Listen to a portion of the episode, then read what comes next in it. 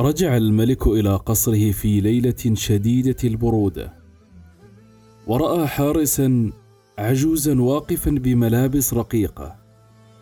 فاقترب منه الملك وسأل ألا تشعر بالبرد؟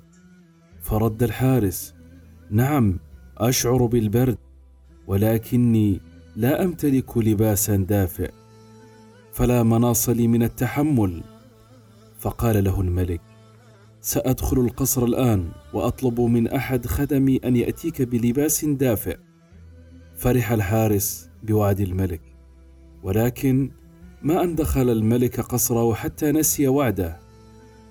وفي الصباح كان الحارس العجوز قد فارق الحياة.